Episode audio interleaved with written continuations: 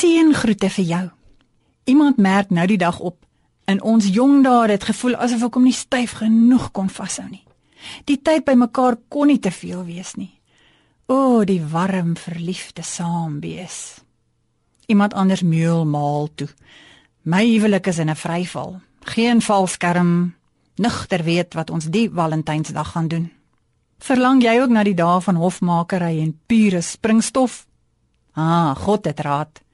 Groei nie in rok en hempgrootte en persoonlike fortuine nie, maar in selfbeheersing en volwassenheid in Christus. Efesiërs 4:13. Nou wonder jy dalk hoe was Christus volwasse? Die Bybel noem dat sy tuisdorp se mense nie in sy messiaskap geglo het nie. Matteus 13 vers 53 tot 57. Bekendes en familie, hulle sien jou eintlik steeds as 'n klein dogtertjie of seentjie en reageer soms glad nie op jou deurbrake en prestasies nie. 'n Mens sou dink dat Christus sy familie sou probeer bearbei en oortuig van sy messiaskap.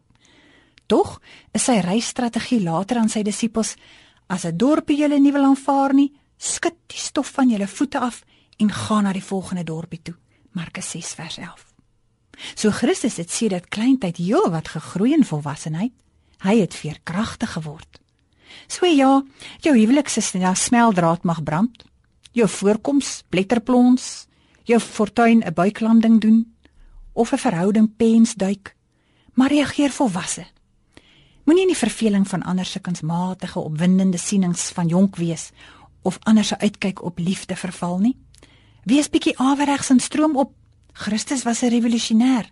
God se siening oor sake was altyd vars. Onthou, groei is 'n proses. Daar is geen kort paaie toe nie. Laat toe dat die wonderwerk deur jou groei. Te midde van die droom, die seer, die wag, gaan maak 'n tuin. Skof hulle bedding. 'n Studie van verhoudings impliseer nie noodwendige verhouding met God nie. So terwyl jy wag, leef doelgerig en met passie in God se ruimte. Hou ook op om die lente by die somer te soek. Daardie skaapagtige verliefdheid en oorhoeks wees pas by lente liefde. Maar jy is dalk nou in somerliefde. Somerliefde bring sy eie bederf, varsheid en waagmoed mee. Sien uit daarna. God praat mos van nuwe wyn in nuwe sakke. 'n Verhouding wat besig is om te verbrokkel en onder spanning verkeer, kan dalk miskien 'n bietjie spasie maak vir 'n nuwe belewenis van die liefde. 'n Loue liefdestyd kan 'n oortrapklip wees na dieper groei. Toe kom ons bid saam.